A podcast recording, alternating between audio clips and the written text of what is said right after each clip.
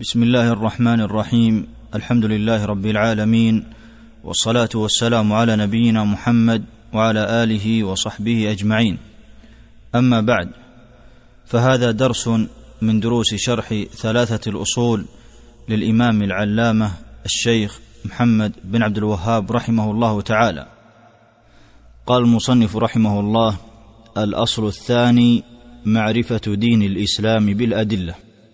سبق أنه يجب على الإنسان معرفة ثلاثة أصول وسبق الأصل الأول وهو معرفة العبد ربه وقد بين المصنف رحمه الله فيه أي في الأصل الأول أن ربنا هو الله وهو معبودنا وحده وعرفناه بآياته ومخلوقاته ومثل لبعض آياته قالوا من آيات الليل والنهار والشمس والقمر ومثل لبعض مخلوقاته كالسماوات السبع والأراضين السبع. وذكر أيضا في الأصل الأول بعض أنواع العبادة وأنها لا تصرف إلا لله وأن صرف أي شيء منها لغيره شرك به تعالى. وهنا يذكر المصنف رحمه الله الأصل الثاني وهو معرفة دين الإسلام بالأدلة. لهذا قال الأصل الثاني أي من أصول الدين الذي لا ينبني إلا عليها. وهو معرفة دين الإسلام العظيم الذي خلقنا الله لندين به وتعبدنا بالقيام به. ويجب على الإنسان أن يعرف ما هو هذا الدين الذي يعتنقه والذي ينتسب إليه. فإن من اعتنق دين الإسلام أو نشأ في دين الإسلام وجب عليه أن يعرف ما هذا الدين وما هي أركانه وما هي أسسه بل ما هو تعريف هذا الدين الذي ينتسب إليه وهو الإسلام؟ ويجب معرفة هذا الدين مع أصوله التي يبنى عليها بالأدلة كما قال المصنف أي من الكتاب والسنة ليكون على نور وبرهان وبصيرة من دينه. فإن لم يكن على حقيقة من دينه فإنه يخشى عليه في حياته وبعد مماته عند سؤال الملكين إذا سألاه في القبر أن يحصل له الشك فإذا كان عارفا بدينه بأدلته حري بأن يثبت على هذا الدين.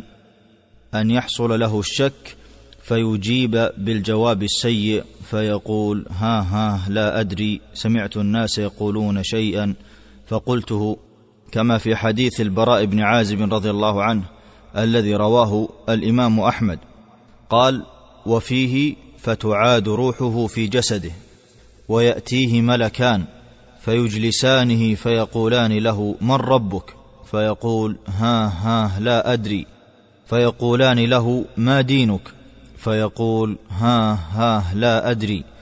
فيقولان له ما هذا الرجل الذي بعث فيكم؟ فيقول ها ها لا أدري. فينادي مناد من السماء أن كذب فافرشوا له من النار وافتحوا له بابا إلى النار فيأتيه من حرها وسمومها ويضيق عليه قبره حتى تختلف فيه أضلاعه ويأتيه رجل قبيح الوجه قبيح الثياب منتن الريح فيقول أبشر بالذي يسوءك هذا يومك الذي كنت توعد فيقول من أنت فوجهك الوجه يجيء بالشر. فيقول أنا عملك الخبيث.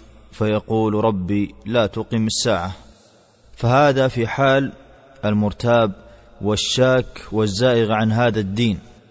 بخلاف من يعرف أدلة دينه من الكتاب والسنة وكان على القول الثابت في الدنيا عاملا بالدين فإنه حري أن يقول عند سؤال الملكين ربي الله ودين الإسلام ونبي محمد صلى الله عليه وسلم. كما في حديث البراء بن عازب أيضا الذي رواه الإمام أحمد وفيه إن العبد المؤمن إذا كان في انقطاع من الدنيا وإقبال من الآخرة نزل إليه ملائكة من السماء بيض الوجوه كأن وجوههم الشمس معهم كفن من أكفان الجنة. وحنوط من حنوط الجنة حتى يجلس منه مد البصر ثم يجيء ملك الموت حتى يجلس عند رأسه فيقول أيتها النفس الطيبة أخرجي إلى مغفرة من الله ورضوان. قال فتخرج تسيل كما تسيل القطرة من في السقاء فيأخذها فإذا أخذها لم يدعوها في يده طرفة عين حتى يأخذوها فيجعلوها في ذلك الكفن وفي ذلك الحنوط ويخرج منها كأطيب نفحة مسك وجدت على وجه الأرض قال فيصعدون بها فلا يمرون يعني بها على ملأ من الملائكة إلا قالوا ما هذا الروح الطيب؟ فيقولون فلان ابن فلان. بأحسن أسمائه التي كانوا يسمونه بها في الدنيا حتى ينتهوا بها إلى السماء الدنيا فيستفتحون له فيفتح لهم فيشيعه من كل سماء مقربوها إلى السماء التي تليها حتى ينتهي به إلى السماء السابعة. فيقول الله عز وجل اكتبوا كتاب عبدي في عليين وأعيدوه إلى الأرض فإني منها خلقتهم وفيها أعيدهم ومنها أخرجهم تارة أخرى. قال فتعاد روحه في جسده فيأتيه ملكان فيجلسانه فيقولان له من ربك؟ فيقول ربي الله. فيقولان له ما دينك؟ فيقول دين الإسلام. فيقولان له ما هذا الرجل الذي بعث فيكم؟ فيقول هو رسول الله. فيقولان له وما علمك؟ فيقول قرأت كتاب الله فآمنت به وصدقت. فينادي مناد في السماء أن صدق عبدي فافرشوه من الجنة وألبسوه من الجنة وافتحوا له بابا إلى الجنة. قال فيأتيه من روحها وطيبها ويفسح له في قبره مد بصره. قال ويأتيه رجل حسن الوجه حسن الثياب طيب الريح فيقول أبشر بالذي يسرك هذا يومك الذي كنت توعد. فيقول له من أنت؟ فوجهك الوجه يجيء بالخير. فيقول أنا عملك الصالح. فيقول رب أقم الساعة حتى أرجع إلى أهلي ومالي. فإن من أسباب الثبات عند السؤال معرفة الدين بالحجج من الكتاب والسنة والعمل به. قال المصنف رحمه الله الأصل الثاني معرفة دين الإسلام بالأدلة وهو الاستسلام لله بالتوحيد. هنا يعرف المصنف رحمه الله دين الإسلام ما هو. فيقول دين الإسلام الذي تدين به تعريفه هو الاستسلام لله بالتوحيد أي الاستسلام لله بالذل والخضوع له بإفراده بالربوبية والخلق والتدبير وإفراده تعالى بالتوحيد بجميع أنواعه. فمعنى المسلم أي أنه يكون مستسلما منطرحا لله تعالى معترفا له ومقرا لربه بالخلق والرزق والتدبير والإحياء والإماتة وجميع أنواع أفعال الله عز وجل. الاستسلام لله فالمسلم مستسلم لله بالتوحيد بجميع أنواع العبادة فلا يصرف شيئا منها لغير الله. وحقيقة دين الإسلام هو أن يسلم العبد أفعاله لله لا لغيره فيجعل العبد جميع أفعاله من صلاة وزكاة وتلاوة قرآن ونحو ذلك لله لا تصرف لغيره لا للأموات ولا لرياء ولا لسمعة. قال شيخ الإسلام رحمه الله حقيقة الإسلام أن يستسلم لله لا لغيره. وهو معنى لا إله إلا الله. والمسلم إنما سمي مسلما لخضوع جوارحه لطاعة ربه فهي مستسلمة لله بأوامره. قال شيخ الإسلام رحمه الله الإسلام هو الاستسلام وهو يتضمن الخضوع لله وحده والانقياد له والعبودية لله وحده أي أن الإسلام يتضمن خضوع القلب والجوارح لله وينقاد لأوامر الله وعبوديته تكون كلها لله. فمن استسلم لله ولغيره فهو مشرك لأن الإسلام لا بد أن يكون مستسلما لله وحده. والممتنع عن الاستسلام لله مستكبر لأنه واجب على كل عبد أن يستسلم لله. ويخضع لأوامره وينقاد لها. ومن استكبر عن الحق ابتلاه الله باتباع الباطل فمن لم يستسلم لهذا الدين تبع الباطل. قال شيخ الإسلام رحمه الله المستكبر عن الحق يبتلى بالانقياد للباطل فيكون المستكبر مشركا كما ذكر الله. والإسلام له رأس وهو الشهادتان وله ضدان. وهما الكبر والشرك فرأس الإسلام التلفظ والإقرار بالشهادة. وضد الإسلام الكبر والشرك فالمستكبر عن دين الإسلام لم يدخل في الإسلام. والمشرك دخل في الإسلام لكن أفسد إسلامه بالشرك. فمن كان مستكبرا أو مشركا فإنه لا يسمى مسلما. قال المصنف رحمه الله وهو الاستسلام لله بالتوحيد أي تعريف الإسلام الاستسلام لله بالتوحيد والانقياد له بالطاعة والبراءة من الشرك وأهله أي أن تعريف الإسلام يقوم على ثلاثة أسس. الأس الأول الاستسلام لله بالتوحيد فتستسلم وتخضع لله رب العالمين.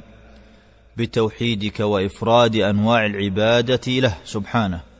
الأس الثاني والانقياد له بالطاعة أي مع ذل العبد وخضوعه لله يجب عليه الانقياد والإذعان له جل وعلا بالطاعة بفعل المأمورات وترك المنهيات. امتثالا لأمر الله قل أطيعوا الله وأطيعوا الرسول. وقوله صلى الله عليه وسلم ما نهيتكم عنه فاجتنبوه وما أمرتكم به فأتوا منه ما استطعتم فإنما أهلك من كان قبلكم كثرة مسائلهم واختلافهم على أنبيائهم. متفق عليه.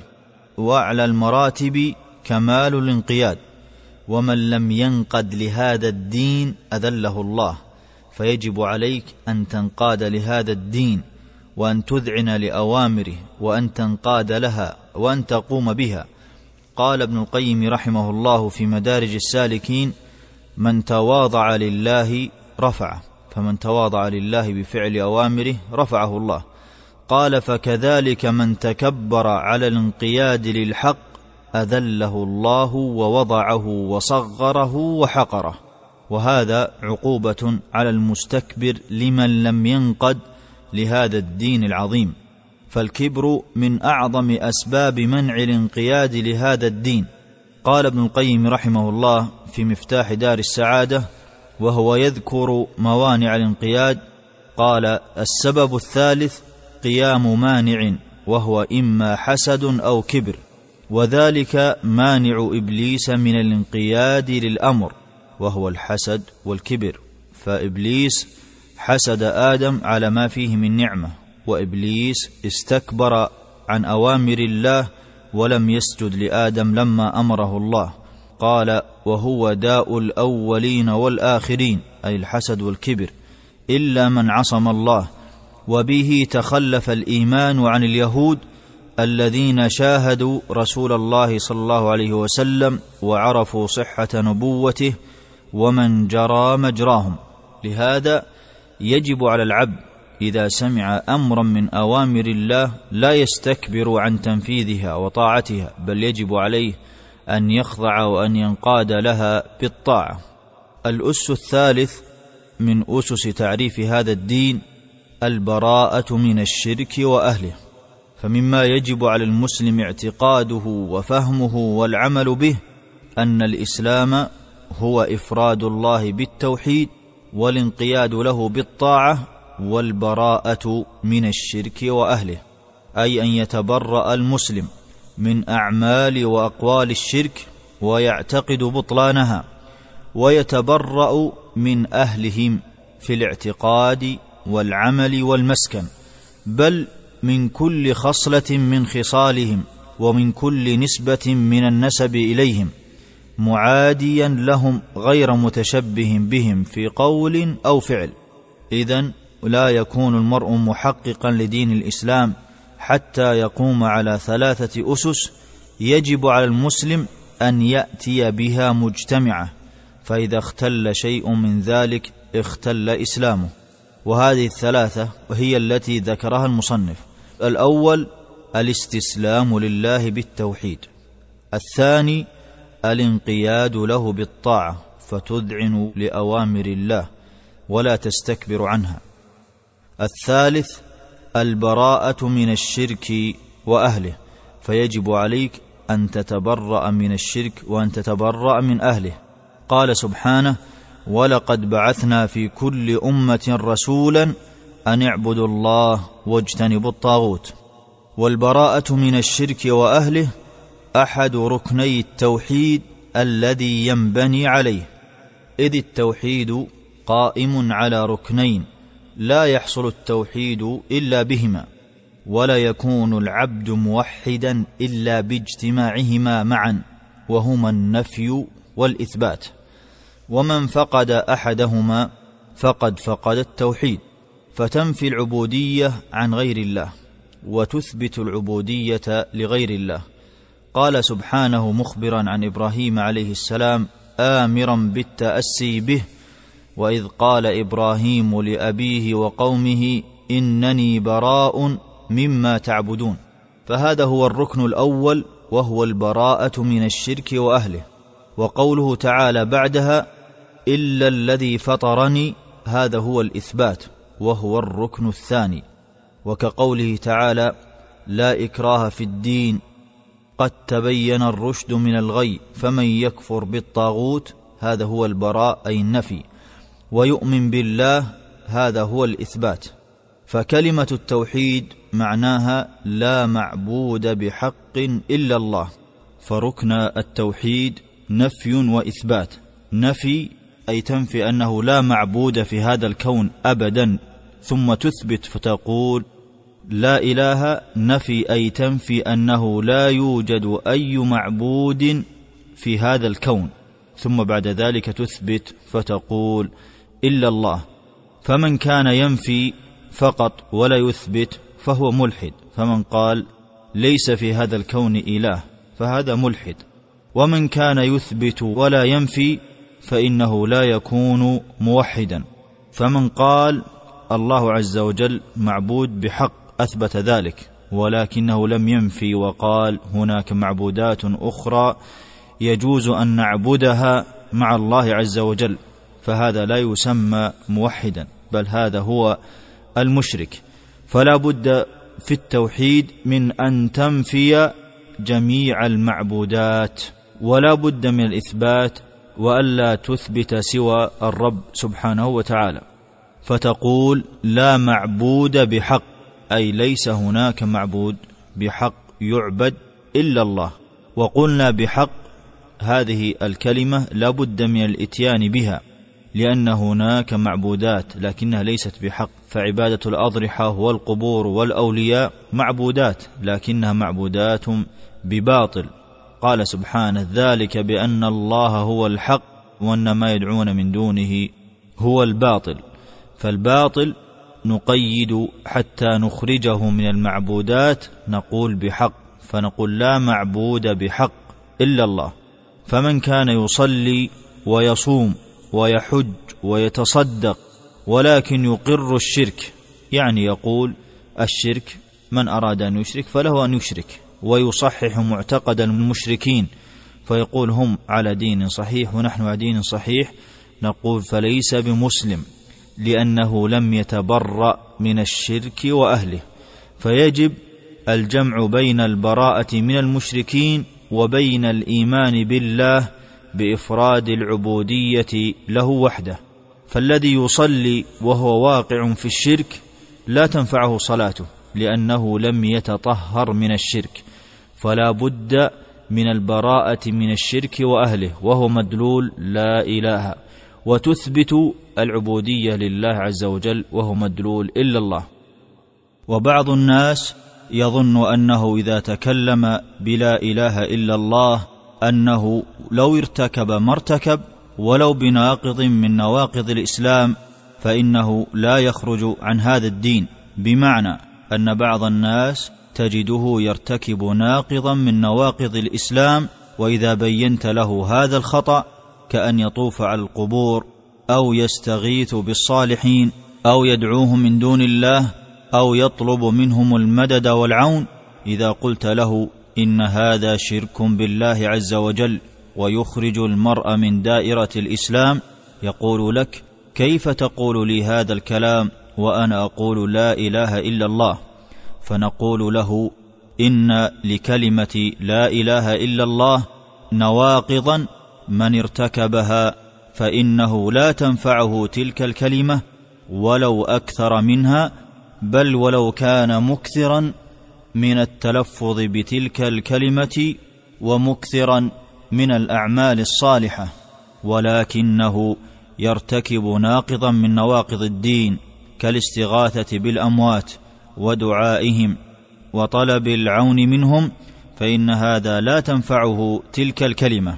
ومثال ذلك لو أن الإنسان توضأ ثم أراد أن يذهب ليصلي ولكنه انتقض وضوءه بخروج نقطة من بول فإنه لو صلى صلاته باطلة لكونه ارتكب ناقضا من نواقض الوضوء فإذا كانت النقطة الواحدة من البول تنقض الوضوء وتبطل الصلاة فدل على أن لكل أمر ناقضا فنواقض الإسلام عديدة من ارتكب شيئا منها والعياذ بالله فإنه يخرج من هذا الدين ولو كان يكثر ويتكلم بتلك الكلمة. فإنه لا خلاف بين العلماء أن من صدق الرسول في شيء وكذبه في شيء أنه كافر لم يدخل في الإسلام وهذا بالإجماع يعني أنه ليس بمسلم وليس عنده من الإسلام شعرة إذا فعل ذلك فإذا كذبه في واحد وصدقه في الألوف من الصلاة والصدقة ونحو ذلك فإن تكذيبه في أمر واحد كفرضية الحج أو الأذان فإنه قاض على تلك الألوف من الأعمال الصالحة. فإذا كان من صدق النبي صلى الله عليه وسلم في شيء وكذبه في شيء فهو كافر فكيف بالتوحيد الذي هو أعظم فريضة جاء بها النبي صلى الله عليه وسلم؟ كما قال عز وجل إن الذين يكفرون بالله ورسله ويريدون أن يفرقوا بين الله ورسله ويقولون نؤمن ببعض ونكفر ببعض ويريدون أن يتخذوا بين ذلك سبيلا أولئك هم الكافرون حقا.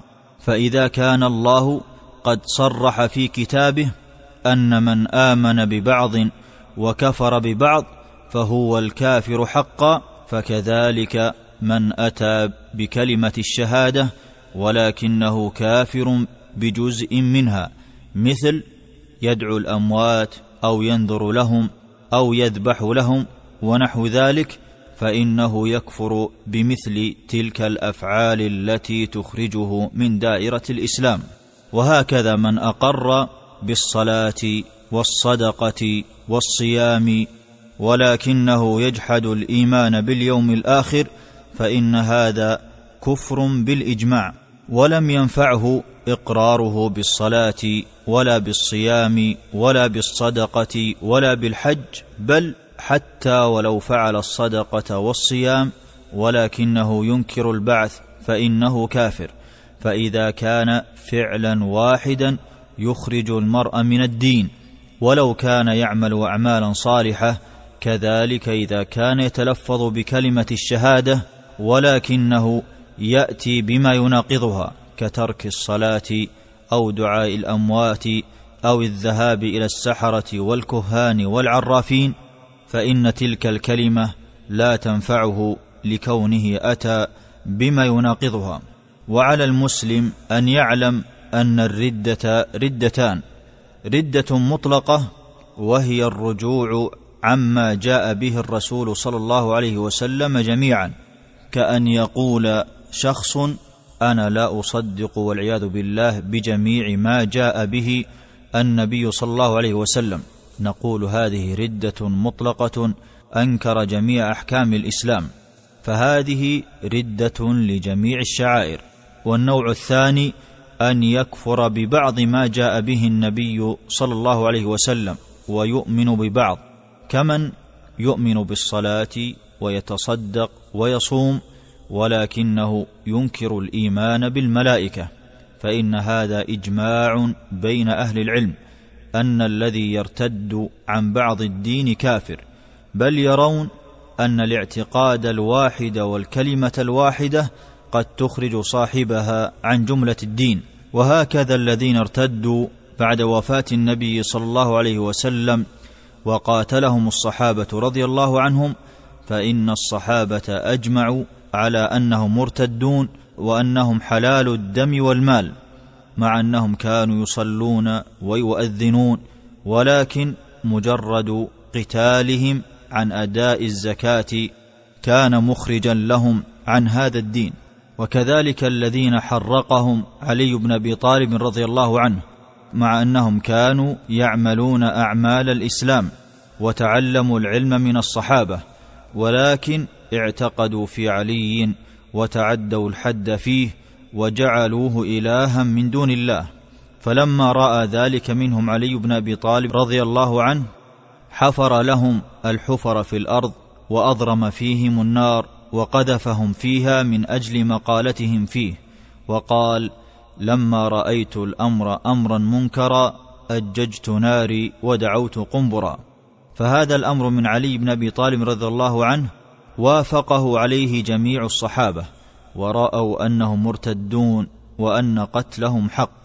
فلا يظن المرء أنه إذا أتى بكلمة الشهادة ولو أتى بشيء من نواقضها أنها تنفعه تلك الكلمة. بل من أتى بشيء من نواقضها فإن تلك الكلمة لا تنفعه بشيء. فواجب على المسلم أن يتلفظ بكلمة الشهادة وأن يفهم معناها وأن يعمل بمقتضاها وأن يحافظ الا يأتي بشيء من نواقضها حتى يتوفاه الله عز وجل على ملة الإسلام. ويجب على العبد مع معرفته لهذا الدين محبته للدين. ويجب على كل مسلم أن يعتز بدينه فدينه هو الحق. وما سواه من الأديان فهو باطل. قال سبحانه إن الدين عند الله الإسلام. وقال سبحانه ومن يبتغ غير الإسلام دينا فلن يقبل منه. فكل دين سوى دين الإسلام فهو باطل ومن اعتنق غير دين الإسلام كان والعياذ بالله من أهل النار. قال عليه الصلاة والسلام كما في صحيح مسلم والذي نفسي بيده لا يسمع بي يهودي ولا نصراني ثم لا يؤمن بالذي جئت به إلا كان من أصحاب النار. وقد أمر الله تعالى رسوله صلى الله عليه وسلم أن يعلن دينه للناس في قوله قل إنني هداني ربي أي قل يا محمد مفتخرا ومعتزا إنني هداني ربي إلى صراط مستقيم دينا قيما مله إبراهيم حنيفا وما كان من المشركين فمن هداه الله لهذا الدين فليفرح بنعمه الله عليه بالهدايه وليستمسك به فقوه العبد وعزته بالدين وليدعو الناس إلى هذا الدين فهو طريق العباد إلى النعيم قال سبحانه فاستمسك بالذي اوحي اليك انك على صراط مستقيم فيجب على المسلم أن يعرف ما هو دين الإسلام.